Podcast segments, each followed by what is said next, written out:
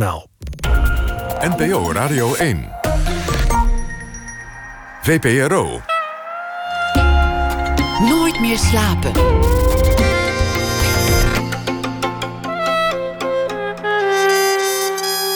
Met Pieter van der Wielen. Goedenacht en welkom bij Nooit meer slapen. Het is het begin van vrijdag de 13e. Dat is angstaanjagend. De maan die wordt weer groter. Dat is dan weer hoop, hoopgevend.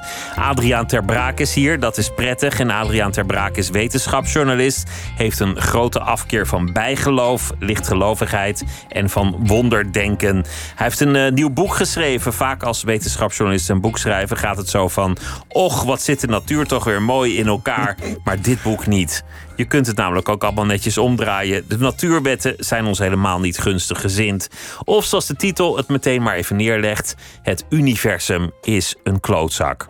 Kijk, dat is heldere taal. Het heelal is kil en vijandig en onverschillig. Het is een amusant, leerzaam en heerlijk zuur boek. En het universum mag je natuurlijk uitschelden zoveel je wil. Kan het universum allemaal toch niks schelen. Want in mijn geloofssysteem heeft het heelal geen bedoeling. Niks nada de rien. Adriaan Ter Braak maakt ook wetenschapsprogramma's. Hij is wis- en natuurkundige. Hij uh, maakt programma's ook voor de VARA. Hij schrijft voor Quest. En hij maakt ook een podcast, Makkelijk Praten. En hij werd geboren in 1986. Adriaan, hartelijk welkom. Dankjewel. En nou heb ik gehoord dat, dat het idee begon tijdens een LSD-trip. nou, ja, kijk, misschien, het, het, is van meerdere kanten gekomen, denk ik. Ik, ik was een beetje aan het um, terugkijken op wat ik zo al had geschreven in de, in de jaren daarvoor. Toen ik op een gegeven moment aan het broeden was op het idee van een boek. En toen uh, merkte ik toch dat er een soort thema uh, steeds terugkwam. Dat was dat we als mens niet echt heel erg lekker één zijn met de natuur. En dat het universum als zich ons vaak niet goed gezind is. En dat dat heel vaak op hele kolderieke uh, manieren misgaat. Dus toen ben ik daar zo'n beetje over na gaan denken. En toen, ik, ik ben ooit een keer, echt zes jaar geleden, in, inderdaad in, op een soort Burning Man, maar dan in Europa geweest. En toen, inderdaad, in, in de in de nadronk van een LSD-trip, toen had ik een hele grappige gedachte die me altijd is bijgebleven. Is dat je, kijk, je hebt heel vaak mensen die uh, bijvoorbeeld. Uh, uh, de regering in een boek helemaal kapot schrijven. Of een persoon helemaal kapot maken. Of noem maar wat, of geen stijl. Het is gewoon heel erg polemiek, maar het is altijd op iets gericht. En ik dacht, als ik nou hetzelfde doe, maar dan naar het universum, dat zou toch heel erg geestig zijn. Want dat slaat helemaal nergens op. En die gedachte is me altijd bijgebleven. En zo, zo is dat een beetje samengesmolten tot dit boek eigenlijk. Want meestal als wetenschapsjournalisten een, een populair wetenschappelijk boek schrijven, ik, ik lees ze graag, dan, dan zit het toch in elkaar van goh, wat mooi, wat is de natuur toch ja. uh, prachtig afgesteld, wat valt het allemaal mooi in elkaar, wat, ja. wat is het elegant. Ja, nou ja, kijk, die elegantie aan zich, daar wil ik best in meegaan. En ik vind het ook heel goed dat we ons blijven verwonderen. En dat is ook wat die, of dat, ja, die wetenschappersboeken vaak zeggen: van je moet je verwonderen. Maar die, verwon, die, die verwondering die gaat uh, om een of andere reden altijd gepaard met een soort van eindeloos respect uh, voor hoe mooi het allemaal wel niet is. En dat vind ik heel vreemd, want heel veel dingen zijn helemaal niet mooi. En het is toch ook wel grappig om dat een keer uit te lichten. Toch? Ja. Dus, dus, dus, dus eigenlijk vanuit dat perspectief ben ik, uh, ben ik gaan schrijven. Ja. Het is even waar als dat het wel mooi is, omdat dat elke waarde die je aan iets toekent. Ja, ja dat, is, dat is persoonlijk natuurlijk. Dat nee, is precies. Maar je kunt, wetenschappelijk. Ja, nee, ja, inderdaad. En je kunt het zelf nog breder trekken en zeggen van, nou ja, kijk, daar ben je natuurlijk heel flauw bezig, bezig, maar er is heel veel ellende op de wereld. Nou ja, dat is toch ook heel vervelend. Kun je dat dan ook niet meenemen? Nou ja, dat is natuurlijk iets te indirect. En dan ben je echt op zoek naar dingen. Maar je kunt er wel ergens een balans in vinden. De klimaatcrisis, is dat onze schuld? Of is dat misschien de schuld van allerlei onderliggende dynamieken? Van uh, enerzijds de evolutie, anderzijds hoe onze hersenen werken, anderzijds hoe, de, hoe energie werkt, hoe de aarde in elkaar steekt. Nou ja, we maken er zelf een zootje van. Maar je zou ook kunnen zeggen dat de ingrediënten er al waren om het in de soep te laten lopen. Maar ja. Je zou kunnen zeggen dat de natuurlijke formules voorspellen dat het een bende nou, zal worden? Dat niet. Ik zou zeggen, kijk, je kunt het niet echt uh, voorspellen op die manier. Het is ook niet te kwantificeren, maar het is wel met een beetje, uh, ja, met een beetje fantasie te ja, gewoon te beredeneren. En dat is geestig om te doen, denk ik. En dat is, en dat is niet zo dat ik dan hoe denk dat het echt zo is. Hoe zou zo'n redenering gaan? Hoe werkt dat? Nou, wat ik bijvoorbeeld zeg is van... kijk, uh, als je kijkt naar de elementen die het meest aanwezig zijn in het universum... dan heb je over waterstof, koolstof, uh, zuurstof... Uh, astrobiologen zeggen ook dat je bijvoorbeeld, um, of die zeggen, eh, die, die, stellen dat de voorwaarden voor het leven zijn dat je uh, in een bewoonbare zone woont. Dus dat betekent dat je op een afstand zit van een ster um, die dusdanig is dat water tussen de 0 en de 100 graden is. Of sorry, dat je tussen 0 en de 100 graden leeft, want dan is water vloeibaar. En uh, dat er heel veel koolstof is, want al het leven dat we kennen is gebaseerd op koolstof. Dat betekent niet dat er ergens in het universum ander leven is, wat misschien wel, uh, je weet het niet, maar het enige wat wij nu kennen is koolstof gebaseerd. Ja, dus dat zijn drie dingen, die zijn het meest in het universum aanwezig. Die bepalen ook het meest ons leven, maar die bepalen ook dat alles nu de soep inloopt. Want de opwarming van de aarde gebeurt omdat uh, koolstofdioxide warmte vasthoudt, omdat waterstof of waterdamp uh, warmte vasthoudt en omdat de waterspiegel stijgt. Dat is ook, zijn ook weer allerlei van dezelfde elementen. En dat is een beetje flauw, maar je kunt het wel enigszins dusdanig opschrijven dat je denkt, nou ja, eigenlijk zit er ook wel weer in. Want er zijn honderden elementen, waarom moet het zo gebeuren? Dus dat is een beetje wat ik doe, dat je het toch een beetje op een andere manier bekijkt. Want als je iets dichter bij de zon zou leven, dan, dan zouden we smelten. Ja. Iets verder er vandaan zouden we bevriezen. Dan zouden we niet bestaan. Ja wij zijn evolutionair aangepast op deze afstand. Uh, nou, nee, niet. Ik denk zelfs dat we niet zouden leven. Want kijk, er moet leven ontstaan en dat kan evolueren. Maar als je verder weg zou zitten, dan zou leven niet ontstaan. Dus dat dus, zou dus nog basaler. Er zou gewoon helemaal niks zijn. Nee, ja, ja, of wel, maar dat zien we niet. Maar dat is. Dat lijkt me niet. Laten we ervan uitgaan dat, dat, dat jouw model klopt. voor nu. Ja, ja. Je kan alles eindeloos ingewikkeld ja, maken. nee, dat moet je niet doen. Nee, daarom. En het, kijk, dus zo kun je op heel veel dingen kun je beredeneren. Uh, bijvoorbeeld hoe de tijd verloopt, waarom dingen kapot gaan. Uh, er is geen vrije wil. Uh, waarom evolutietheorie aan zich gewoon binnen het leven zelf gewoon best krakkemikkig in elkaar steekt. Ja, ik heb, ik heb, dus ik heb denk twaalf voorbeelden uit, uitgeschreven in hoofdstukken van kijk, dit is, dit is het, wat het universum ons biedt. Ja, zo mooi is het allemaal niet. Ja. Maar je schrijft bijvoorbeeld heel elegant dat de wiskunde gebiedt dat in materiële zin onze maatschappij altijd oneerlijk zal zijn. De wiskunde voorspelt gewoon dat een klein groepje hele rijken heel rijk zal worden. Ja. En dan heb je heel veel mensen die nou ja, niet rijk zijn of zelfs arm. Ja. En dat, dat kan amper anders zijn, want dat, klopt. dat is een, bijna een wiskundige wet. Nou kijk, dat is wel een, een gesimplificeerd model natuurlijk. Want uh, de economie zoals we hem nu kennen is heel ingewikkeld. Maar als je uitgaat van een heel erg basaal ruilspel... dat is, dat is iets wat je ook kan terugzoeken op het internet. Dat is ooit een onderzoeker heeft dat uh, helemaal uitgeprogrammeerd. Dus je kunt die simulatie kun je gewoon runnen. Dan zie je, dus stel je voor, je neemt 100 mensen en die hebben allemaal 1 dollar. En die, die gaan gewoon uh, onderling tossen. Uh, en dan gaan ze kijken. Um, als ik kop heb, dan geef ik jou een euro. En als ik munt heb, dan krijg ik van jou een euro. En dat, dat doet ze gewoon de hele tijd. Dan zie je dat op een gegeven moment een verdeling ontstaat. Dat heet een normaalverdeling. Dat is als het enigszins eerlijk is verdeeld. Je hebt een piek in het midden en een paar uiteinden. Dus er zijn wat mensen arm en wat mensen rijk. Maar de meeste mensen zijn gemiddeld. Maar uiteindelijk, omdat sommige mensen al hun geld verliezen... krijg je een hele grote piek uh, in het begin. Dus heel veel mensen zijn arm. En een heel klein uh, gedeelte van de mensen is rijk. En die hebben dan het meeste van het geld samen. Ja. En geld maakt geld. Dat volgt ook uit. Ook uit ja, maar dat is ook meer omdat je. Dat is hoe we het leven nu hebben ingericht, natuurlijk. Geld maakt geld omdat je. Uh, als je nu geld hebt, een huis kan kopen. Uh, omdat je die buffer hebt. Terwijl arme mensen dat die buffer niet hebben. Dus altijd op hetzelfde niveau blijven. En jouw uh, investering stijgt vanwege allerlei dingen zoals compound interest en zo. Maar dat is ook dingen die hoe we het zelf doen, hoe we het zelf inrichten. Dat zou anders kunnen. Dat zou anders kunnen. Het is niet de natuur kunnen die dat gebied, maar de manier waarop wij nee, de samenleving. Nee, maar dat is, en dat is ook een beetje hoe de. Hoe, ja, dan noem je dan de wet van de grote getallen. Hoe. hoe uh, hoe getallen zich uh, ordenen in het universum. Dus, en daar kun je verschillende ja, meningen op loslaten natuurlijk. Ja. Maar het is wel interessant. Ja. Dus, dus we leven in een, in een groot koud universum. We zijn voor, voor zover we weten alleen. En als we niet alleen zijn in dat universum, zullen we die andere levensvormen waarschijnlijk nooit tegenkomen. Ja, dat is natuurlijk de vraag ook. Hè? Ja, dat weten we niet. Ja, kijk, of zij moeten veel slimmer zijn en, ja, en daar wel overheen. Kijk, komen. het leuke daaraan is dat het puur gissen is. Je weet het niet. Dat, is, dat maakt ook alweer dat het heel leuk is om over te schrijven, omdat je je fantasie de vrije loop kan laten gaan. En als zij zoveel verder zijn dat ze ons kunnen vinden, dan zijn ze ons de baas. En dan moeten we maar hopen dat ze aardig zijn. Uh, wellicht, ja. Of ze zijn juist zo ontwikkeld dat ze heel vredelievend zijn en denken van laat die mensen maar even lekker doorkloten. Dan zou ik ze aanraden door te vliegen. Ja, nou ja, ja ik ook. Ja, ja, ik, ik, ja, ik heb altijd um, een beetje het idee. Vroeger had je wel eens dat je, als je dan een vriendje bij je thuis kwam.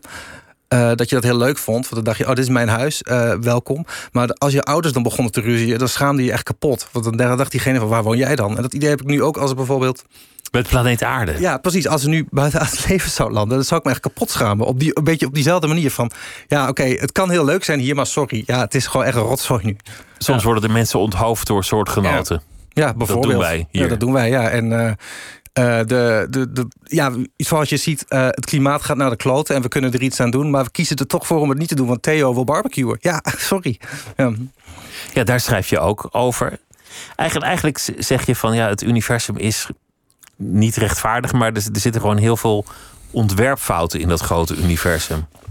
Ja, als je het beredeneert vanuit een bepaald perspectief wel. Ja, kijk, het is natuurlijk nooit een. Kijk, het ligt eraan welke context je pakt. Ik bedoel, het universum heeft natuurlijk geen context. Het is allemaal wat wij erop plakken. Maar ja, je zou ook kunnen beredeneren. Dit is een ontwerpfout als je vanuit een ander perspectief redeneert van wat andere mensen doen. Ik bedoel, ik, ik neem aan dat jij doelt op de evolutietheorie, hoe wat ik daarover schrijf. Ja, bijvoorbeeld, ja. Ja, nou ja, dat, het leuke daaraan is, vind ik altijd. Ehm, dat je, tenminste, ik ben opgegroeid en ik heb het, beeld gekregen, maar misschien heb ik niet goed opgelet bij biologie. Dat kan ook. Dat, je, dat de evolutietheorie echt een soort heel mooi, ehm hyper ontwikkeld eh, model was. Dat miljoenen jaren eh, heeft gekost om, om, om, of miljoenen jaren heeft gebruikt om ons lichaam op deze plek te krijgen. En ons lichaam is echt een soort van, ja, eh, echt een perfecte machine die dat allemaal heeft doorstaan. En daarom is het, het menselijk lichaam is wauw. Maar als je. Toen kwam ik dus op een gegeven moment bij de huisarts toen ik eh, in mijn studententijd eh, zat, want ik had heel veel last van mijn rug. En die zei op een gegeven moment van ja, maar dat is heel normaal, want je hoort helemaal niet rechtop te lopen. En ik zeg van, hè, waar slaat het op? En toen heeft hij me dat uitgelegd, toen ben ik het opgezoeken. En het is ook heel logisch. Onze voorouders die stammen af ook van apen. Die liepen allemaal op vier poten. Op een gegeven moment heeft één iemand gedacht: ik ga rechtop lopen. Wat heel logisch is, want als je rechtop loopt kun je verder zien.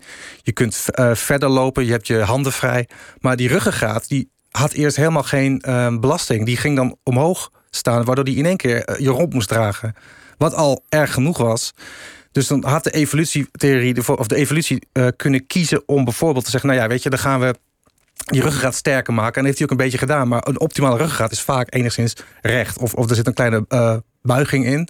Zodat, je, zodat hij heel veel gewicht kan dragen. Maar als je dat doet, dan komt het uiteinde van onze ruggengraat komt in onze bekkenbodem. Waardoor vrouwen, eh, het geslachtskanaal van vrouwen wordt geblokkeerd. Dus daarom zit er een rare kronkel in onze rug eigenlijk. En lopen je allemaal een beetje krom en hebben allemaal last van rugpijn. En waarom is dat? Niet omdat de evolutietheorie... eh, ons leven, eh, zeg maar, eh, ons leven comfortabel moet maken, maar we moeten gewoon voortplanten. En dat vond ik zo fascinerend. Dat het is eigenlijk gewoon een houtje touwtje duct tape WD-40 oplossing voor voortplanten, niet voor comfort. Die realisatie vond ik, vond, ik heel, vond ik heel eh, grappig en prettig. Eigenlijk is Ja. het inzicht, het is een zesjescultuur. De evolutie Dat maakt dingen net goed exact genoeg. wat het is om over te gaan. Dat is echt de, die, De ik, hak ba- over ik de baal sloot. ervan dat ik dit niet heb gebruikt in het boek, maar dat is echt de perfecte beschrijving ervan. En, ja. en het wordt zo vaak gepresenteerd, ook in tv-documentaires, van oh, het wonder van de evolutie. En kijk eens Ja, hoe maar mooi en hoe prachtig dat in elkaar maar dat, maar dat steekt. is, dat is het ook ergens, want het is natuurlijk een heel bijzonder mechanisme. En het je kunt er eindeloos over doorpraten. En ik vind het ook echt fascinerend. Dus ik vind ook dat we die verwondering moeten houden en ook wel ergens het respect. Alleen. Het, het kan ook wel een onsje minder, denk ik dan. Want het zorgt, er ook voor, het zorgt ook voor allerlei andere dingen. Voor evolutionair afval. Waarom hebben we nog een, een blinde darm? Of verstandskiezen? Ja, weet je, het is niet zo dat we dat even weg hebben geëvalueerd. Het is allemaal gewoon voortplanten, voortplanten, voortplanten. En de rest boeit niet. Een haastklus. Je, je noemt het bekken van de vrouw. Nou, wie wel eens op tv een- of elders een bevalling heeft gezien... Ja, nou. die zal zich ook afvragen of daar niet een beter plan voor te bedenken is. Ja, eh, is- nou zeker. Ja, En sowieso. Ik bedoel, als je kijkt naar hoe het vrouwelijk lichaam, eh, als het eenmaal heeft voortplant, dan ga je bijvoorbeeld in de overgang. Ja, waar slaat dat nou weer op? Waarom is, is, dat, waarom is dat nou weer nodig? Ja, Die hele ja. Wat zei je? Ja, ja. dat is toch heel, dat is toch, dat is toch hartstikke kloten. Ja, maar ja, goed, dat is, dat is heel grappig dat En je dus. veroudering ja. en aftakeling. ja, precies. Nou ja, daar hebben we het ook over natuurlijk in het boek. Ja. Ja, want, want je schrijft eigenlijk, is het, het lichaam, als het ontworpen is, laten we het dan bij het, bij het model ontworpen houden, tot 38 en daarna niet meer Ja, nodig. een beetje gemiddeld. Hè? Dus dat, dat hebben wetenschappers dan bepaald op basis van DNA-onderzoek en andere dingen. En Dat je kunt zeggen van, nou ja, eh, tot een beetje 38ste dan gaat het nog goed. En daarna is het, eh, begint het aftakelen pas echt. Ja. Dat is wel, eh, ja. Dus dan zit je in een soort reservetijd waarin je langzaam afscheid moet nemen van Ja, alles. ja, ja zo, en wij kunnen het dan heel goed verlengen. Ehm, Eh, en de, ook al, er is altijd een soort misvatting dat mensen vroeger niet ouder werden dan 40 of, of 20. Of die zeggen maar mensen werden heel lang geleden ook al 60, 70. Maar de, eh, dan zit je al heel lang in die aftakeling. Dus dat, dat maar is het, het, gemiddelde werd gedrukt door de hoge kindersterfte exact, toen. Ja, Dat klopt, dat hebben we nu gelukkig minder. Ja. En dan, dan, schrijf je ook nog dat ons brein de tijd steeds sneller, sneller doet doet lijken verlopen? Ja, nou, dat komt omdat uh, hetgeen wat je mee... Stel je voor, je bent 10 jaar oud. Uh, een jaar is dan 10% van je leven. Maar als je 50 jaar oud bent, dan is een jaar nog 2% van je leven. Dus dat uh, rekt heel snel. Dus dat wordt ook eenzelfde soort verdeling... die je ook ziet bij die, um, bij die inkomensongelijkheid. Gewoon een dikke kop en een lange start. Ja, dat is wel grappig. Ja. Dat is ook echt een. Dat, wetenschappers hebben dat ook echt zo beredeneerd. En dat heeft er ook nog mee te maken dat er bepaalde dingen in je hersenen gebeuren die dat effect nog versterken. Ik vond het, ik vond het eigenlijk troostrijk om je boek te lezen. Waarom? Ik werd er opgewekt van. Oh. Omdat ik dacht, nou ja, het, het is dus gewoon kennelijk in, in allerlei wetten en modellen besloten dat dingen af en toe heel rottig zullen worden. Of dat dingen die je vervelend vindt er zullen zijn. Veroudering, ja. doodgaan, pijn lijden, ja. kwaaltjes. Ja. ehm, de zinloosheid van het geheel, de Ja. ongelijkheid, de oneerlijkheid. Nou, ga maar alles wat je dwars kan zitten, komt wel in het boek terug en wordt ook netjes uitgelegd. En toen dacht ik, ja, oké, dus het is gewoon verklaarbaar. Ja, ik hoef en- er ook niet op te mopperen. Nee, nou ja, dat, dat is het ook een beetje. En ik, ja, dat klinkt natuurlijk wel weer heel cliché, maar juist daarom kun je ook wel weer van de dingen genieten die mooi zijn in het leven, althans ik. Maar, Als het een keer meevalt, bedoel je? ja, of dingen die aan zich mooi zijn. Ik bedoel, ik kan helemaal beredeneren hoe klein de kans is op het leven en eh, wat er allemaal bij komt kijken. Maar eh, ik, ik heb net een kind gekregen en dan denk ik toch van ja, in al die ellende is dit ontstaan. Die kans is zo intens klein dat dit had gebeurd, maar toch is hij er. En dan, ben je, dan word je dan op een hele ja, fundamentele manier toch gelukkig van. Het is wel Eh, ja, dat is toch heel, ja, dat, dat, dat jij heel apart. kind, dat jij een kind op aarde hebt gezet. Als Ik je, snap heel goed dat je dit zegt, ja. Zo gitzwart inziet dat je denkt, nou, en dan Ja. schenk ik jou het leven. Ja, nou ja, ja, maar goed, ik zie het leven zo en ik gun iemand anders de kans om het anders te zien. Dat hij het, het wereldbeeld van de moeder overneemt. Bijvoorbeeld, of mijn wereldbeeld, maar daar kunnen we het daar samen over hebben. Maar het, het is ook Nou, een er zit beetje ook vrolijkheid Ja. in. En ik, en ik ben ook, zeg maar, ik ben niet, al- ik ben niet ehm droefgeestig. Ik ben cynisch, maar wel op een opgewekte manier. Dus dat is toch anders. Ik, ik ben vrolijk, nihilistisch.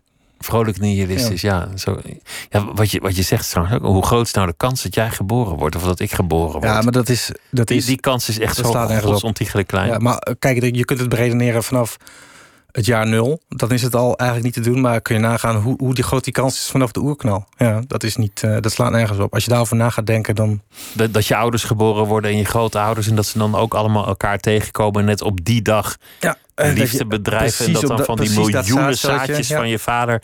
Ja. die ene Ja, ja, dat nee, eitje bereikt... Dat, Ja. dat er ook toevallig maar blijkt te zijn. En ja, dat is natuurlijk ook heel interessant om over na te denken. Dus dat is niet per se iets waarom het universum een klootzak is. Maar je kunt daar, je kunt daar ook natuurlijk urenlang over nadenken en dingen over schrijven.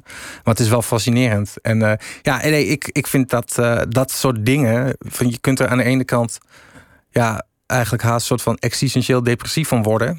Aan de andere kant, ja, ergens helpt het mij ook wel om de dingen die ik heel belangrijk vind, toch ontzettend te waarderen bij tijd en wijle. Terwijl ik ook af en toe best een hele nukkige vent kan zijn hoor. En dat kan mijn vriendin ook beademen. Dus ja.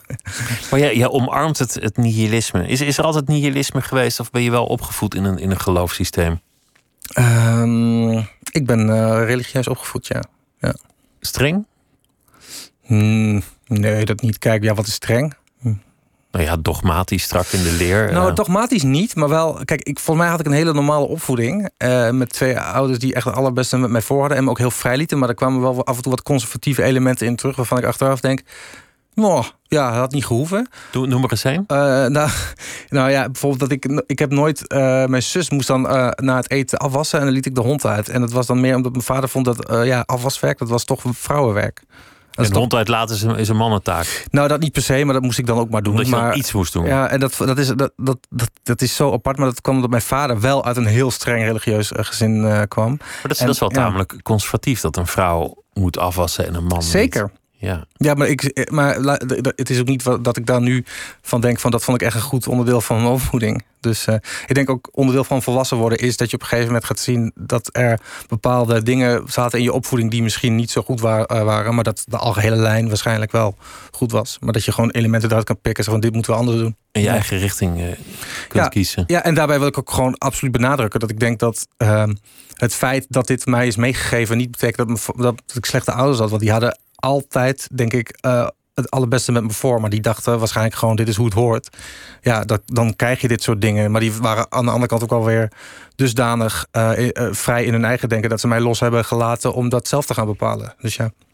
Toen, je zelf je richting ging bepalen, wa- wanneer veranderde jouw houding ten aanzien van religie? Is er een moment geweest dat je niet meer gelooft of dat je van richting bent veranderd? Nee, dat is een, ehm, een gestaag slijtageproces, denk ik. Het werd minder.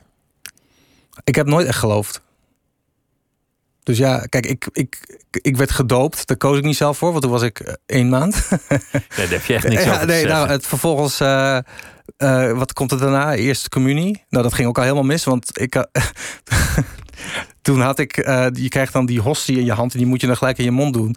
Maar ik had die in mijn zak gedaan, want ik dacht ik smeerde thuis Nutella op, omdat mijn zus zei dat ik dat moest doen. En toen had ik dus die hostie nog in mijn hand, terwijl ik op de bank zat tussen alle andere leerlingen naar mijn ouders te zwaaien. En die zagen dat ik nog dat ik die hostie vast had. Dus die liepen zo te signalen van je moet dat ding in je mond doen. Ik zei nee, neem me mee naar huis, ik wil Nutella afsmeren. Ja, dus dat ging echt helemaal nergens over. En toen eh, kreeg ik uiteindelijk, daarna volgens mij kwam het vormsel. Ergens was het groep 7 of zo. Maar ja, tegen die tijd was ik er echt alleen nog maar in vanwege de cadeautjes.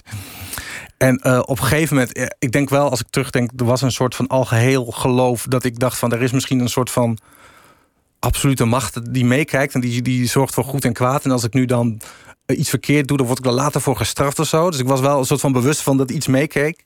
Maar dat is op een gegeven moment ook helemaal weggegaan. Dus ik, ben, ik, ik denk niet dat ik ooit echt gelogen ben geweest. Maar misschien een beetje. Wa- Was dat een, een strubbeling thuis met, met, je, met je omgeving?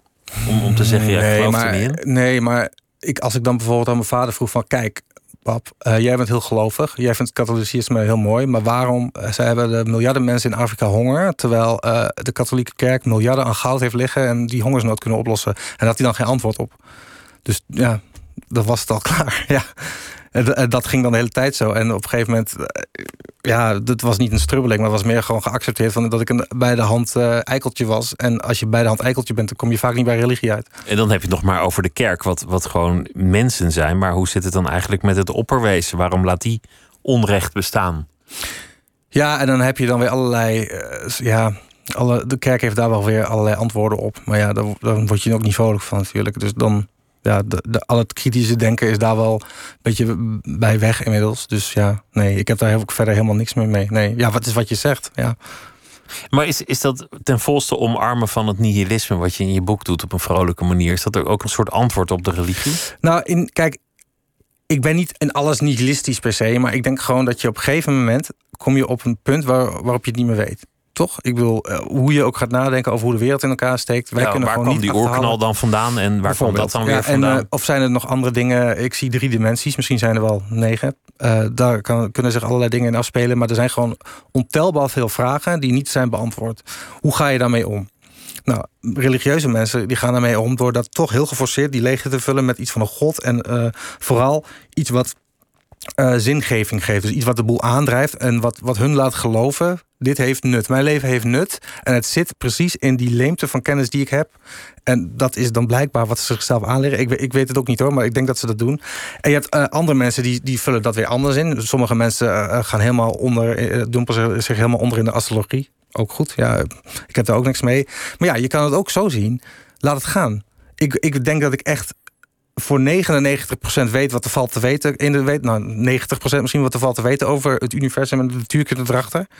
En ja, alsnog weten we ook dat we haast niks weten. Waarom zou je daar zo ontzettend nog over doorgaan om, zeg maar, natuurlijk moet je uit nieuwsgierigheid die wetenschap vooruitbrengen en moet je die, dat altijd blijven voeden en blijven onderzoeken. Want het is fascinerend. Maar je kunt op een gegeven moment ook zeggen, voor jezelf althans, waarom moet ik dit vullen met religie? Waarom kan ik dit niet gewoon loslaten? Waarom kan het niet gewoon niks zijn? En kun je, als je dat niks omarmt, kun je daar juist heel veel geluk uit halen. Want juist vanwege dat het allemaal eigenlijk niks is en ook nooit misschien wel bedoeld was als iets, Want wa- ja, waarom bestaan we, dat weten we niet. Maakt het juist zo mooi dat je bijvoorbeeld als je een kind krijgt en je kijkt in zijn ogen, dan is dat zo'n zo'n bizar het bizarre gebeurtenis, dat maakt het alleen maar bijzonder, denk ik. En dan, en dan andere mensen hebben dat misschien wel dat ze God zagen in een kinds ogen. Nou ja, oké, dat heb ik dan niet, maar ik vind, ja, dan, dan doe ik dat zo. Maar ik, dat Dus maakt dan het alleen maar bijzonder. Ja. Een, een beetje in de buurt van wat, wat Albert Camus het absurdisme noemde. Het is, het is totaal ridicuul, ja, maar daarom moet je ervan genieten. nou ergens wel, ja, toch? Ja. Heb, heb, jij, heb jij een mening over, over mensen met een religie? Irriteert het je? Dat, dat Nou, mensen zeg maar al, de, al die nieuwsgierigheid beantwoorden met een, met een zekerheid. Ja, ik, ik, ik, ben, ik heb het nu een beetje over één kam geschoren. Ik, ik heb geen hekel aan mensen met een religie. Eh, dat niet. Kijk, ik denk als je een gesprek wil hebben over religie, denk ik dat je drie lijnen hebt. Aan de ene kant de inhoud. Dus ga je wetenschap afzetten tegen religie. En ga in, in de kern van wat is de absolute waarheid. Maar ja, dat, dat, dan, religie wint dat niet. De religie slaat nergens op inhoudelijk, maar dat hoeft het ook niet. Nou, dat, religie- denken die mensen vaak zelf anders over. Ja, oké, maar prima. Ja. Maar dan, doe, dan wil ik eh, hun toch even bijspringen. Religie is niet bedoeld om eh, echt voor, om waarheid te achterhalen. Het is bedoeld om zingeving te geven. Dus oké, dat kan. Dus dat, dat, dat vind ik prima. Dus eh, dat kun je dan doen. Maar dan moet je dat wel enigszins, denk ik, in je eigen tijd, in je eigen ruimte doen. En dan niet te veel andere mensen mee lastigvallen. Dat het iets particuliers wordt, bedoel je eigenlijk? Eh, ja, nou ja, bijvoorbeeld. Dus, je, dus ik denk, wat ik denk ook. Ik ben echt bevoorrecht dat ik dit kan denken. Hè? Want eh, het gros van de mensen heeft niet de mogelijkheden om te, te studeren wat ik studeer. Eh, al, is het qua. eh, ik ben geboren met een goed stel hersens. Of eh, gewoon bevoorrecht qua geld, qua waar, waar ik ben opgegroeid. Heel veel mensen kunnen dat niet. Sommige mensen groeien op in Bolivia. Die moeten als kind in een zilvermijn werken. En die gaan op hun 28ste dood omdat ze een aandoening hebben aan de longen. Of die groeien op in een land waar geen water is. Ja, dan heb je zo'n houvast nodig. Dan, dan slaat het nergens op om te zeggen... nou, nee, eigenlijk is er geen god, want er is eigenlijk helemaal niks. Ja, zo'n zo'n leven zit zo anders in elkaar... dat ik niet ga zeggen van... goh, ja, je bent echt dom als je in god gelooft. Ik snap het heel goed. Maar het is eh, op een gegeven moment als je wel al die kennis hebt, dan snap ik niet helemaal hoe je op het bestaan van een god kan komen. Maar er zijn ook heel veel wetenschappers die toch in een god geloven. Dus kan wel. En ik, ik oordeel daar niet over. Dus dat vind ik oké. Maar waar ik me wel kapot aan erger, dat is misschien ook waar jij heen wil. Want je, want je wilt toch een beetje de irritatie opzoeken. Is dat het dus ontzettend veel zeggenschap heeft in de maatschappij. En als je bijvoorbeeld kijkt in Nederland, we zijn nog steeds heel joods-christelijk. Dus er zijn nog ste- steeds heel veel van dat soort religieuze elementen die eh, zorgen voor oneerlijkheid, denk ik. Want ik denk dat het feit dat eh, eh, het nog steeds best wel slecht gaat met eh, bijvoorbeeld rechten voor homoseksuelen en transgenders. Dat heeft, dat heeft eh, wortels in eh, het christendom, denk ik. In die oude mores, die oude regels die nog steeds doorwerken. Ook bij mensen die, die niet actief gelovig zijn. Nee, maar die stemmen wel allemaal netjes SGP en CDA. En het zijn wel, Gert-Jan Segers zei volgens mij laatst nog van... er zijn maar twee genders, terwijl de wetenschap gewoon zegt... nee, er zijn meerdere genders. Maar je kunt, je kunt met een piemel of met een vagina geboren worden... maar er zijn meerdere genders. Nou ja, maar dat is dus het hele punt. Ze luisteren niet naar wat de wetenschap zegt... Want dat doen ze in, hun, in de kern van hun bestaan al niet. Dus waarom zou je dan op andere vlakken wel luisteren naar waar de wetenschap zet? Dus luisteren naar de wetenschap wordt een soort van cherrypicking van... nou, dit, dit bevalt mij, dus dit neem ik mee van de wetenschap en dat niet. En dat, dat krijg je dan. Dat is ook waarom eh, met klimaat is volgens mij exact hetzelfde. Van, eh, heel veel mensen die geloven daar niet in... omdat ze ook een soort denken van... ja, ik heb er geen invloed op, het is Gods plan. Ja, oké, dan niet. Ja, de, de discussie over de wappies was natuurlijk heel, heel groot afgelopen jaar met, met, Ja. met corona. Er staat natuurlijk tegenover dat de wetenschap ja, in, in opzet ideaal is, maar in praktijk ook gewoon door mensen wordt bedreven. Vuilbaar is, er wel eens naast zit. Ja. Dat er uit naam van de wetenschap ook heel veel onzin wordt geclaimd. Ja, dat klopt. En dat de wetenschap gewoon heel veel dingen niet weet. In geval van een nieuw virus is het een nieuw virus, dus dat kunnen ze nog niet weten hoe dat zit. Dat klopt, ja. Maar, dat, maar dat, dan ga je dus weer met... waarom kun je niet omarmen dat je iets niet weet... en vanuit daaruit werken, maar mensen willen gelijk antwoorden... die wetenschap willen niet weten. En die gaan dan eh, dingen invullen, ja. Ja, jouw vader die, die is jong, jong overleden toen, toen jij 51. 18 was. ja. Hij was 51, ja. Ja, was 18. Ja. En hij had ALS. Ja. En Voor, voordat het cool was. dat, is, dat is natuurlijk een, een, een droevig verhaal. Ja, maar dat is heel sneu. Dat is verschrikkelijk om dat mee te maken. Dat gun je niemand. Ja. hoe, hoe, heeft hij dat, hoe heeft hij dat gedragen op het laatst? Nou, kijk, het punt is... met- het, nou, het punt met ALS is dat je dusdanig aftakelt... dat je niet meer jezelf bent op een gegeven moment. Dus op het laatste droeg hij dat niet meer. Op het laatste was het gewoon een huls. Met een soort van. Het waren, ja, die, ja, daar zat, geen, daar zat niet het leven meer in wat er eerst in zat. Dus dat kun je niet dragen dan. Dat is gewoon iets wat je, wat je doorstaat en op een gegeven moment is het klaar. Maar je krijgt op een gegeven moment van de dokter te horen: oké, dit heb je. Ja. Dit is je vooruitzicht. Ja. En eigenlijk kunnen we helemaal niet zoveel voor je doen. La- Zeg maar gerust. Niets. Ja. Je gaat eraan. Ja. Hoe, hoe ging hij daarmee om? Hij? Ja. Ja, niet goed, eh, denk ik. Eh, ja, kijk, hij had het. eh, toen het werd gediagnosticeerd, had hij het al een jaar. En jij krijgt meestal twee jaar. En dan was ik precies een jaar daarna overleden. Eh, en ja, dat, dat ging zo snel dat ik eigenlijk niet meer een actieve herinnering heb van hoe hij eh, in zijn bewuste fase daar nog mee omging. Maar ja, dat, eh, dat was geen leuke tijd thuis.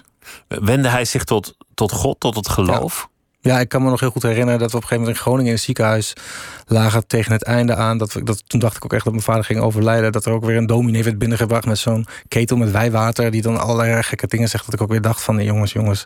Nou ja, goed, als mijn vader dat... Ja, als dat troost biedt. Inderdaad, en dat is het. Hè. het biedt, als het troost biedt, werkt het dus. Dus dan maakt het niet meer uit wat het, wat het inhoudelijk is. Maar ja, bij mij zou het dus geen troost meer bieden. Omdat ik er zo ver van afsta dat ik denk, wat ben je aan het doen? Ja, een placebo werkt alleen als je niet weet dat het een placebo dat is. is overigens niet waar. Is dat zo? Ja, zelfs als mensen weten dat het placebo is, werkt het soms nog. Dat is bizar, hè? Oh, dat is, dat is, Ja, dat is is heel goed om te weten Ja, als je ja. iets hebt. Ja, nee, dat is, dat, dat, die placebo-wereld is wel echt een hele andere. eh, dat is echt onverklaarbaar wat er allemaal in gebeurt. Maar nee, eh, ja, eh, toevallig is hij ook overleden op de dag van mijn examenuitslag. Dat weet ik nog heel goed namelijk. Ehm, dus daarom heb ik ook nooit echt een examenfeestje gepakt in die periode. Dus daar, dat, daarom Dat, dat is het viel nou- samen. De- Ja, een dat. feestelijke dag en een, een Ja. heel droevige Ja, dag. het was niet feestelijk, want ik wist al dat ik was geslaagd. Want ik, had, ik wilde dat weten, mijn vader wilde dat weten voordat hij kwam te overlijden. Dus, ehm, ja, dus hij wist het al. Dus die dag had voor mij ook geen betekenis meer. Alleen ik wist wel dat al mijn vrienden dat wel op die dag, het was een vrijdag. En dan was je om 12 uur. ehm, in die tijd werd je nog gebeld als je niet was geslaagd. Dus iedereen zat dan bij zijn telefoon. Eh, iedereen zat bij zijn telefoon om. Eh, en eh, die, wacht, die wachtte dan heel zenuwachtig op een belletje. En als je dan om 12 uur niet was gebeld, dan was je geslaagd. Dat was het. En ik weet nog heel goed dat ik daar geen rekening mee hield. En mijn vader was in de ochtend overleden. En een van mijn vrienden, daarvan was het niet heel zeker dat hij overging. En die had ik toen gebeld. Maar er was nog geen nummer weergegaan. En die dacht toen dat de school belde. Dus toen zei ik hem dat mijn vader was overleden. En toen was hij dus heel opgelucht. Omdat hij dacht dat hij niet, niet hij een was ander geslaagd. telefoon... Ach jee. Ja, dat is heel macaber. Als ik, maar ik kan ook wel heel lachen ergens. Maar ja, zo gaan die dingen. Ja. He- Heeft je, heeft je vader zijn toevlucht gezocht tot, tot bijvoorbeeld alternatief genezers of, of dat Ja, soort dingen? Zeker, ja. Wa- Wat voor, wat voor eh, genezers? Ja, eh, eh, poeh, ja, hij is op een gegeven moment naar de Filipijnen gegaan, weet ik nog, met mijn moeder, om daar een en ander te doen. Maar wat hij ook had gedaan, en dat ga ik ook nooit meer vergeten, en dat is misschien ook wel waarom ik zo intens woest word als ik dit soort praktijken waarneem, nu nog vandaag de dag, is hij ging dan naar een soort van ja, shaman of hoe wil je het noemen toe. En die had een wiggelroede. Ik weet niet of je weet wat een wiggelroede is. Ja, ik heb het echt nooit helemaal begrepen. Maar zo'n een stokje dat de richting aangeeft. Als je, zo, als je het niet hebt begrepen, betekent het eigenlijk dat je het heel goed begrijpt, want het slaat helemaal nergens op. En eh, wat hij dan deed, dan had hij, eh, legde hij een foto van mijn vader op tafel. En dan had hij dus die stok erboven, die draaide die. En dan had hij een, een touwtje om zijn pols met een bepaalde kleur. En dan ging hij steeds draaien. En als het dan draaide, nou oké, goed, volgende touwtje met een andere kleur. En bij een bepaalde kleur, bijvoorbeeld blauw, kon het stokje niet meer draaien. En dat betekende dus dat ehm, mijn vader eh, een ziekte had, of een, een, een, een ziektefrequentie die je hoorde bij blauw. Vervolgens kreeg hij een kastje mee met een soort van. Ja, eh, wat je nu ziet bij die Apple Watches allemaal, gewoon iets wat op je pols zat. Maar dat stuurde dan een soort signaal door zijn lichaam heen met die frequentie, de frequentie van de kleur blauw. En dat moest dan, dat moest dan die ziekte kapot maken. Dat klinkt inderdaad echt als Koeterwaalse is- bullshit. compleet gestoord. En ik vind als je dit soort dingen doet bij mensen die eh, ten einde raad eh, zijn, dat je achter tralies hoort. Omdat je misbruik maakt van hun kwetsbaarheid. Ja, en omdat je aantoonbare bullshit verkondigt. Ja. In, in het geval van je vader heeft het hem misschien troost geboden. Of had hij ook echt hoop? Ja, dacht hoop. hij dat hij Ja, beter hoop. zou Ja, worden? we hadden allemaal hoop. En inderdaad, wat jij nu zegt, oké, fair enough. Kijk, eh, van mijn vader had niks geholpen.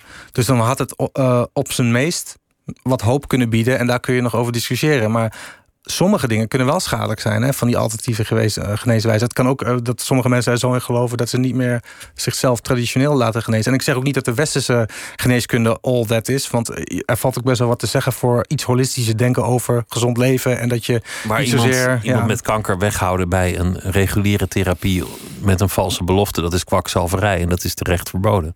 ja, maar dit, dingen die daaraan grenzen gebeuren. Is, is dit waar, waar jouw, jouw woede Misschien jegens alternatieve geneeswijzen of, of, Het- of wappies of, of allerlei nou, dingen vandaan Ik denk komt? dat het ermee te maken heeft. Dat het wel dezelfde soort emotie is. Maar ik denk dat het ook gewoon wel komt dat ik een heel rationeel persoon ben misschien. En ook voel dat, wat ik net al zei, ik denk dat ik heel bevoorrecht ben. Dat ik heel veel dingen heb kunnen leren. En eh, de tijd heb gehad om te studeren en dat soort dingen. En dan vind ik ook dat ik ergens iets terug kan geven. En als ik dan mensen zie die misschien iets minder slim zijn en in dit soort dingen trappen, dan vind ik toch dat ik daar ergens, als ik kan, hun moet helpen door uit te leggen van je moet dit niet doen. Snap je? Van dan Ja, je wordt heel arrogant. Je wordt, je wordt Ja. gefopt. Dat, dat is Ja, eigenlijk en wat je eh, zegt. heel veel mensen hebben misschien niet de mentale capaciteit om dat in dat moment te zien, omdat je wanhopig bent. Maar niemand die het dan tegen hun zegt. Ja, dat vind ik toch wel lastig. Voor wie net inschakelt, Adriaan ter Braak, die zit hier en die heeft een eh, boek geschreven. Het universum is een klootzak. Een, eh, een vrolijk leesbaar boek over eh, de wetenschap. Met een, met een nou ja, realistisch licht op zo'n beetje alles wat je in je leven aan problemen zult, zult tegenkomen. ja. Maar ook met een knipogen. Het is wel lichtvoetig. Het, is niet, het is niet heel zwaar. Toch? toch? Het is, eh, ja. Nee, zwaar is het zeker niet. Ik, ik vraag me af of het, of het mensen gegeven is om, om strikt rationeel te leven. En ik, ik vraag me ook af of, ik dat, of ik dat zelf eigenlijk Nee, en dat kan ik ook niet. Ik koop, ik koop wel zo'n staatslot, heel onschuldig. Ja. En het geld komt bij de overheid terecht en die kan daar eh, nuttige dingen voor doen als ze, als ze Ja. dat willen. Maar ja, de kans dat je, dat je wint is natuurlijk Nee. zeer klein. Dat, Maar- ik bedoel, de- de- uitgesloten, statistisch Nee, verwaarloosbaar. Ja, Ja. staat nergens op. Ja, Dus een, belasting op domheid wordt het ook wel genoemd. ja, dat Ja. is ook wel een beetje. Maar nee, kijk, eh, kun je ooit helemaal rationeel zijn? Nee, dat kan niet, want je bent, zo, zo werkt de wereld niet. Dat kan niet. Ik denk, geloof, niemand is 100% rationeel, want je bent een mens. En mensen zijn gewoon, denk ik, in de kern niet aangelegd om alleen maar rationeel te denken. Dus nee, ik ben ook niet rationeel. Ik sta ook in het stadion als Ajax speelt. eh, een, klein meisje uit te schelden als het verkeerd gaat. Ja, dat staat ook nergens op. Ja, maar dat doe je. Iedereen heeft ook denk ik een soort mentale uitlaatklep nodig. Ja.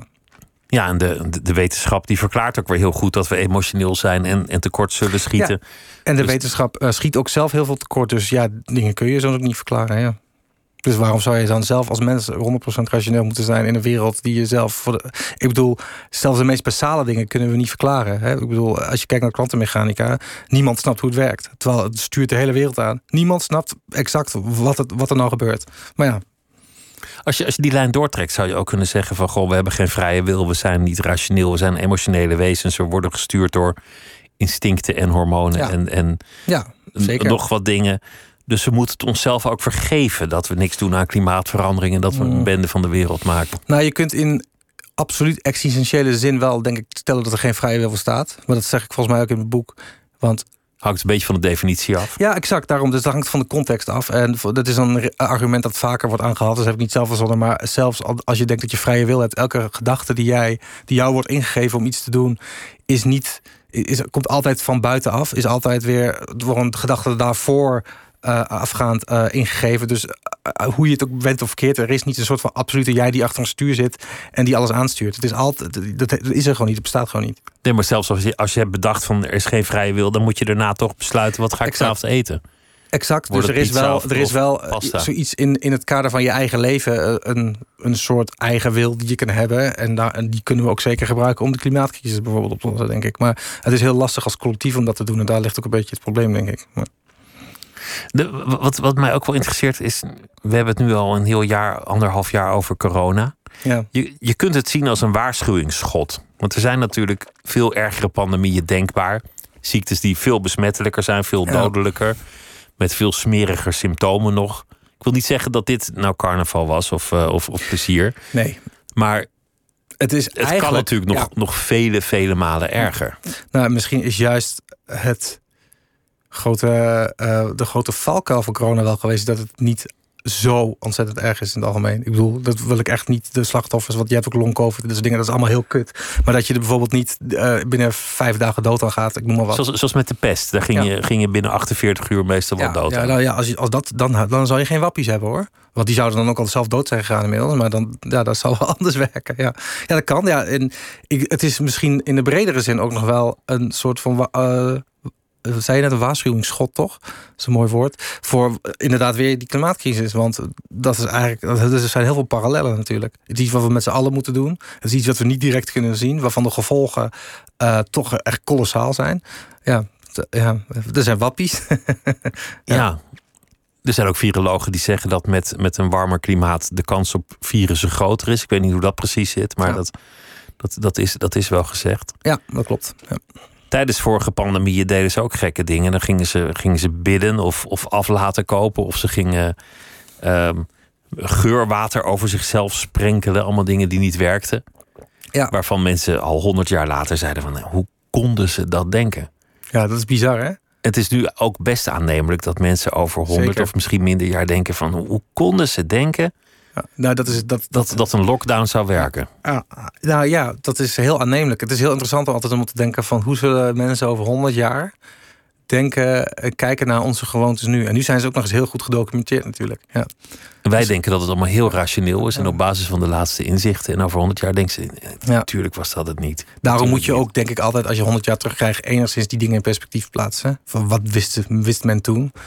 Uh, maar het zou ook kunnen natuurlijk dat over 100 jaar Willem Engel uh, een soort revolutionair bleek.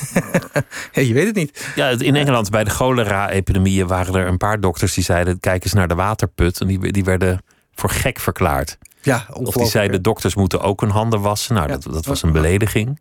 Ja, ja dat, is, dat, is, dat kun je je niet voorstellen.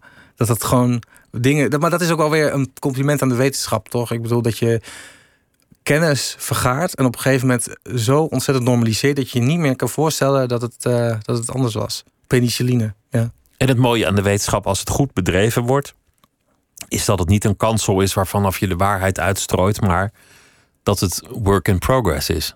Dat Absoluut. Ja, nee, maar dat een nieuwe, betere waarheid zal in een goed systeem aanvaard worden en de oude, die dan gewoon terzijde. En dat is niet erg.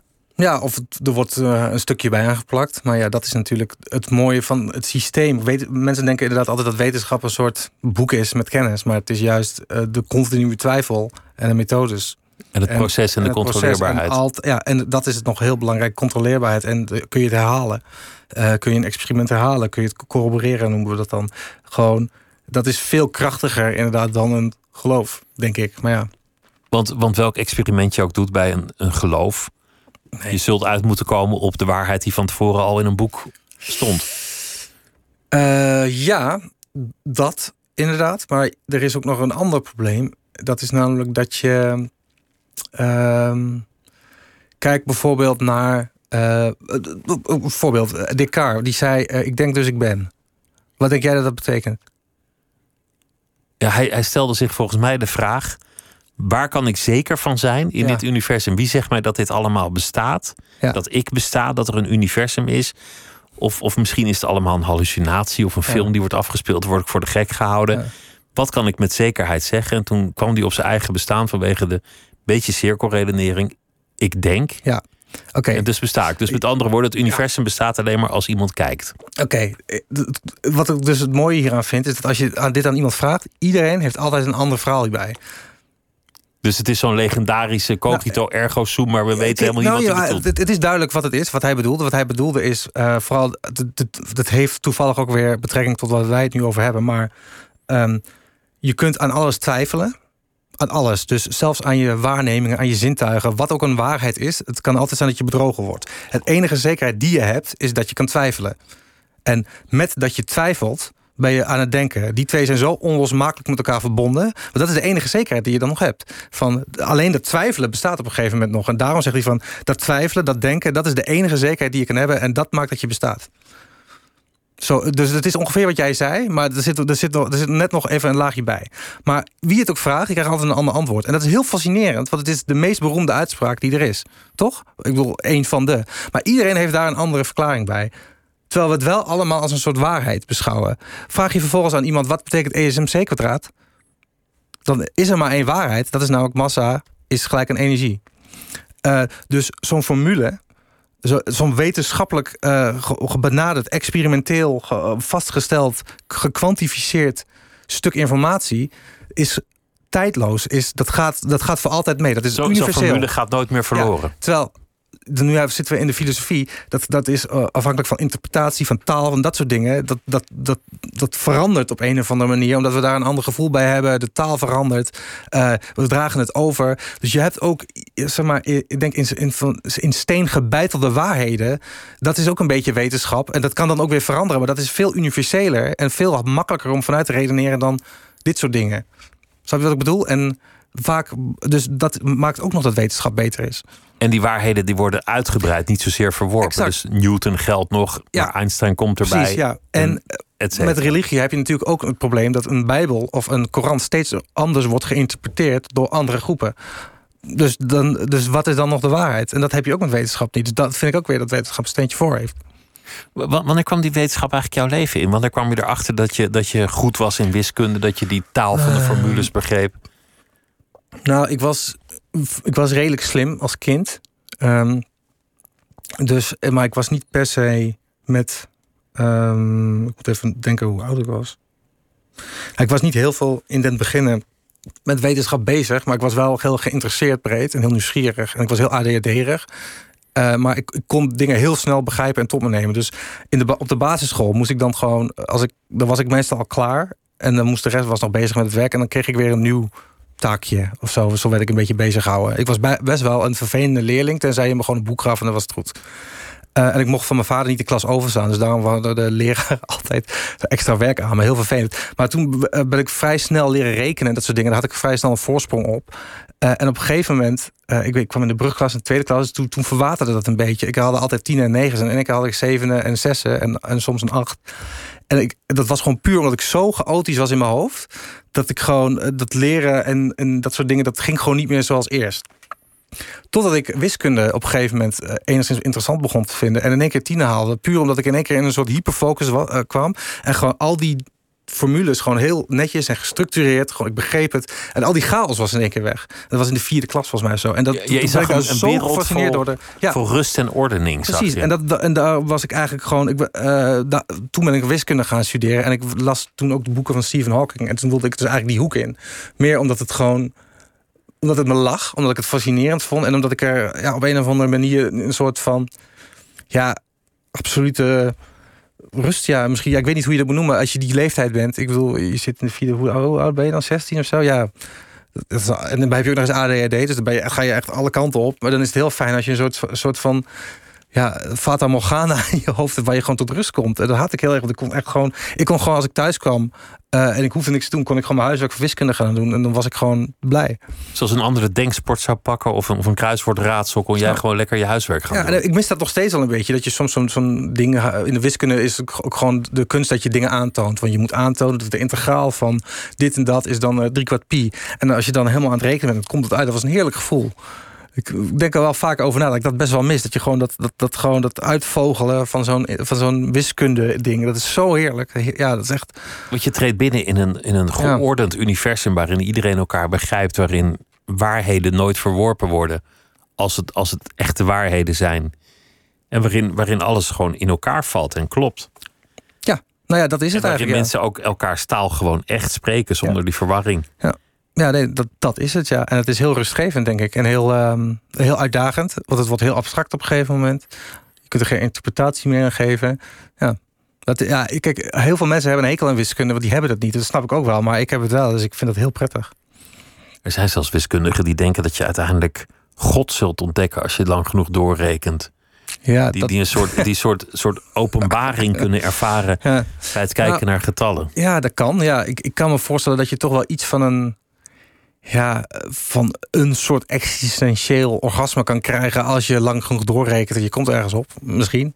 Uh, maar ik, ik haal gewoon heel veel tevredenheid. En eh, ja, een soort van rust uit, denk ik, destijds. Nu nog steeds, maar ehm, nu, nu, ben ik niet, nu hoef ik geen huiswerk meer te doen, helaas. Hoe, hoe ben je dan in de wereld van de media terechtgekomen? Oh, ik was een hele slechte onderzoeker. Dus ik. ik, ik waar? Oh, ja, ja. joh. Nee, ik, eh, ik was op een gegeven moment eh, verder gegaan in de master in natuurkunde. En ik deed onderzoek in gravitatiegolf. Is een onderzoeksmaster, moet je dan doen. En ik had een jaar lang vak en dat ging heel goed. Want toen moest ik een jaar lang onderzoek doen. En dat was gewoon heel veel programmeren en ehm, simulaties runnen. En ik vond het heel leuk.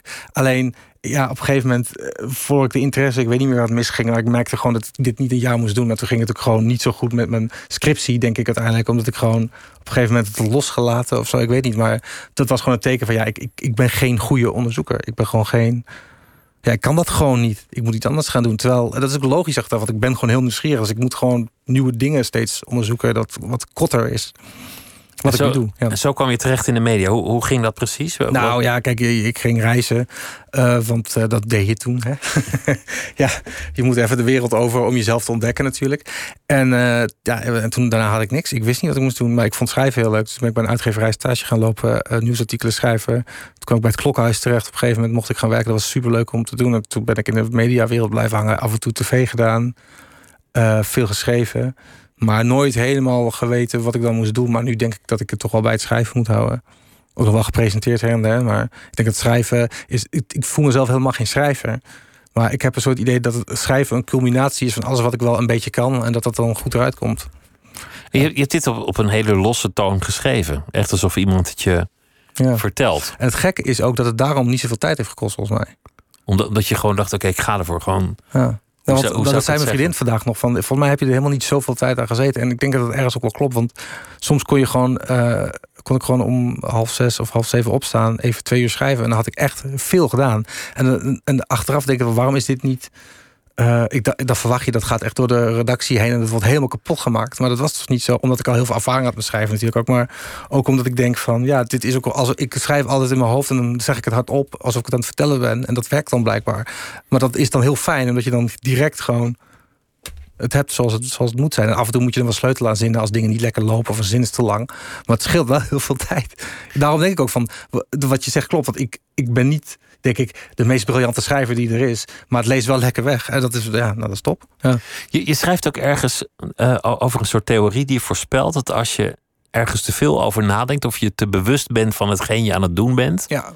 dat, dat, het, dat het ineens niet meer werkt. Ja. Dat is ook leuk, hè? Dat het, het verstand op nul ook, ook wetenschappelijk bewezen gewoon de beste manier ja, is. Dat hebben ze laatst ook uh, aangetoond met uh, MRI-scanners en uh, penalty nemen. Dus dat je echt uh, mensen die veel nadenken over de gevolgen, die missen vaker een penalty dan mensen die gewoon met verstand op nul gewoon die bal op doel rammen. Dat is heel bizar. Dat is gewoon puur omdat er een. Uh, je hebt jezelf dingen aangeleerd en je, je bent je onbewust en bewust bekwaam. Dat is gewoon bekend. Maar als je heel veel over na gaat denken, dan trek je gewoon dingen uit je onbewuste bekwaamheid.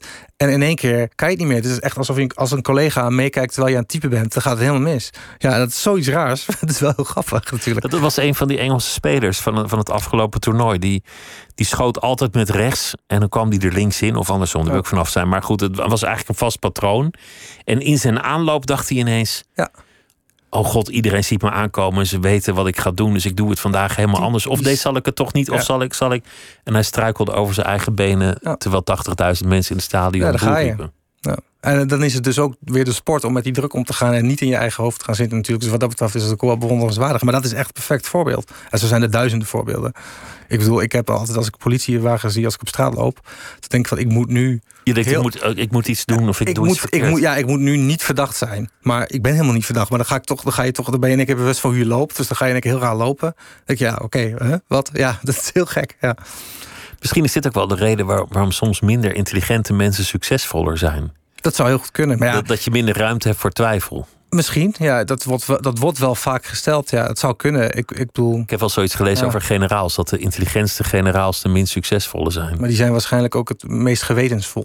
Zou dat kunnen? Ja, dat zal er nog bij komen kijken. Ja. Dat je denkt, wat, ben, wat de fuck ben ik aan het doen, joh? Ja, ja, ik denk dat daar zeker een kern van waarheid in zit. Ehm, maar ja, ik denk ook dat je als je heel succesvol bent, dat je, dat je ook wel iets van een flinke intelligentie mee moet hebben. Je moet gewoon niet te veel nadenken.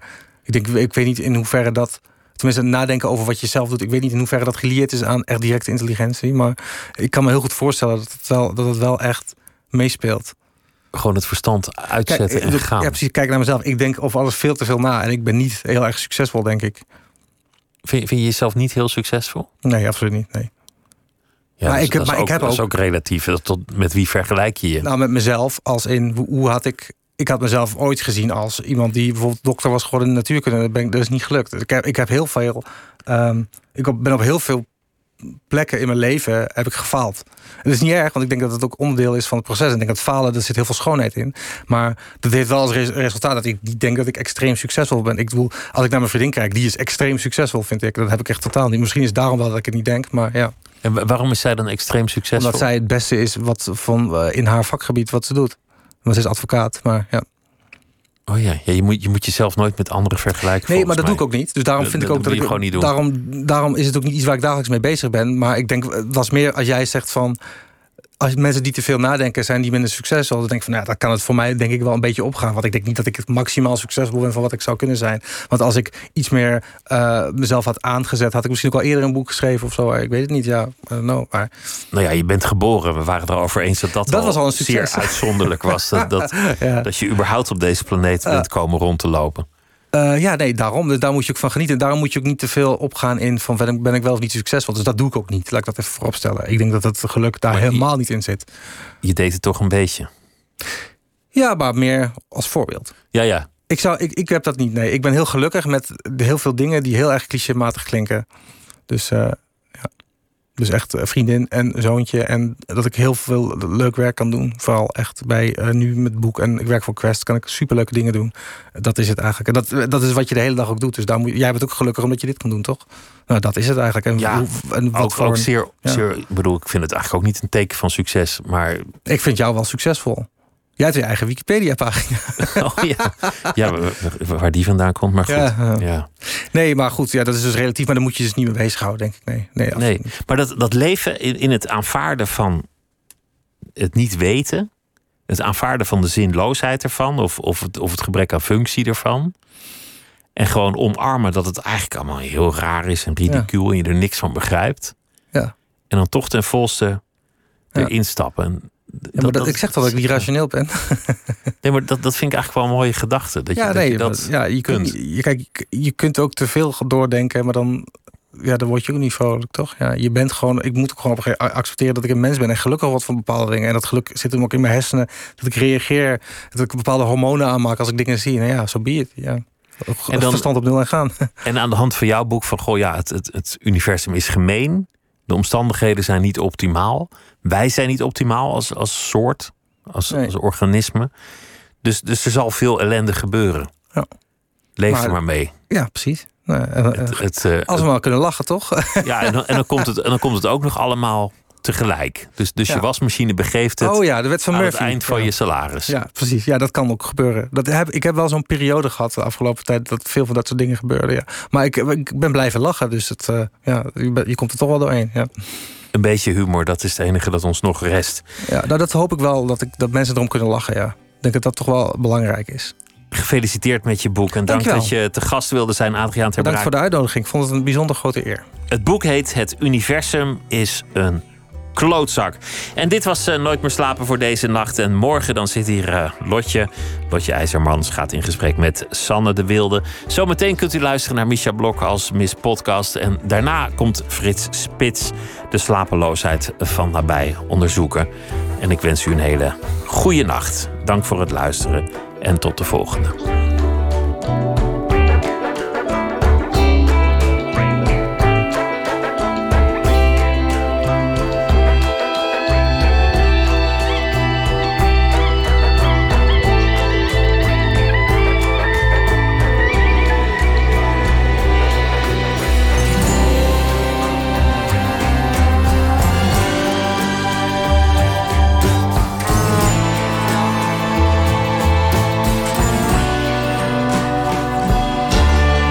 Radio 1.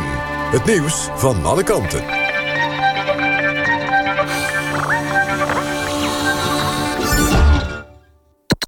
NPO Radio 1.